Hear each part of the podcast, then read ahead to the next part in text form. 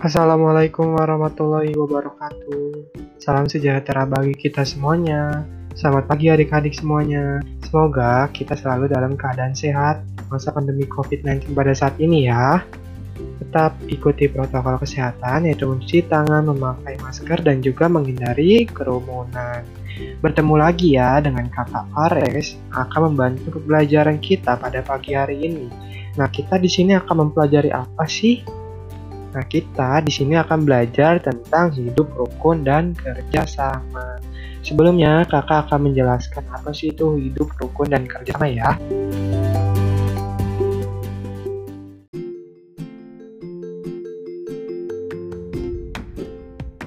Oke, kakak di sini akan menjelaskan yang pertama yaitu hidup rukun. Nah, hidup rukun adalah pola hidup seseorang atau kelompok yang saling menghormati satu sama lain dan saling menyayangi di antara sesama manusia.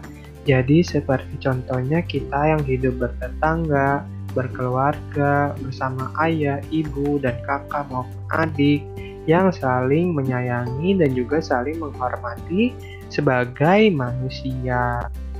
Nah, biasanya kehidupan yang rukun itu akan menciptakan suatu hubungan yang baik dan juga harmonis di antara sesama manusia. Nah, suasana yang tercipta dari pola hidup rukun akan membuat lingkungan tersebut tentram, damai, rukun, sehingga tidak akan uh, terjadi permasalahan di antara sesama manusia. Nah, apa aja sih yang ada dalam kandungan nilai dari hidup rukun itu? Nah, yang pertama yaitu munculnya nilai-nilai kebersamaan antar manusia, kemudian munculnya kekuatan untuk uh, mencapai kesepakatan bersama, kemudian saling toleransi dalam hidup beragama, dalam beri hidup berkelompok, dan lain sebagainya.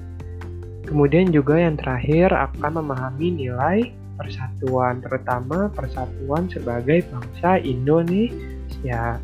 Nah, contohnya hidup rukun itu bagaimana sih? Contohnya seperti keserasian yang ada di antara satu keluarga dengan tetangganya, ayah dengan ibu, ayah dengan uh, keluarga lainnya, sepupu dan lain sebagainya. Seperti itu yang akan menciptakan hidup rukun.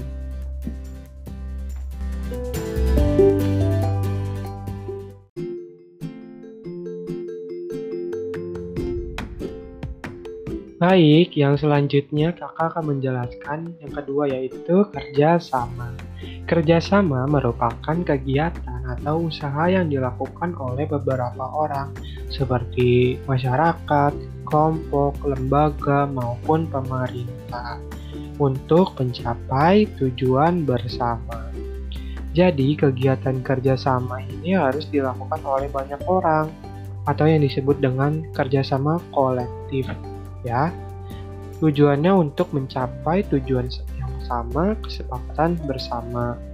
Nah, dalam kerjasama ini ada tiga pokok poin nih terkait eh, nilai-nilai uh, yang ada untuk mencapai kesepakatan bersama yaitu mereka dalam bekerja sama memiliki orientasi pada tercapainya tujuan yang baik yang kedua, mereka memperhatikan kepentingan bersama. Dan yang terakhir, mereka saling uh, menguntungkan antar satu dengan yang lainnya. Nah, contohnya ada yang tahu nggak nih dalam kehidupan sehari-hari apa aja adik-adik semuanya? Baik, kakak akan jelaskan ya untuk uh, kehidupan sehari-hari itu kerjasama seperti apa sih? Contohnya seperti uh, kehidupan di keluarga adik-adik semua seperti ayah yang mencari nafkah, kemudian ibu yang selalu uh, mengurusi urusan rumah tangga dengan memasak dan lain sebagainya.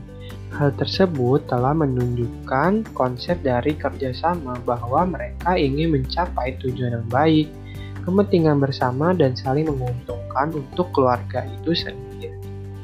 Nah, untuk penerapan konsep hidup rukun dan kerjasama itu juga sudah terkandung loh dalam kehidupan uh, Pancasila ya, terutama sebagai ideologi bangsa kita, yaitu bangsa Indonesia.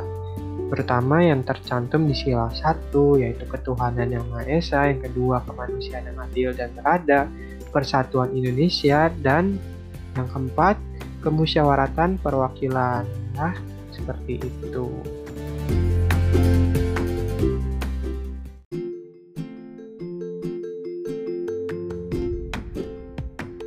Baiklah, kita telah sampai ya di akhir kegiatan pembelajaran nih untuk adik-adik semuanya mengenai materi tentang hidup rukun dan kerjasama. Mohon ya disimak dengan baik untuk materi yang tadi kakak jelaskan. Kemudian kakak akan memberikan tugas nih kepada adik-adik semua, yaitu adik-adik untuk menceritakan kegiatan kerjasama dan rukun hidup pun bersama yang ada di keluarga ya.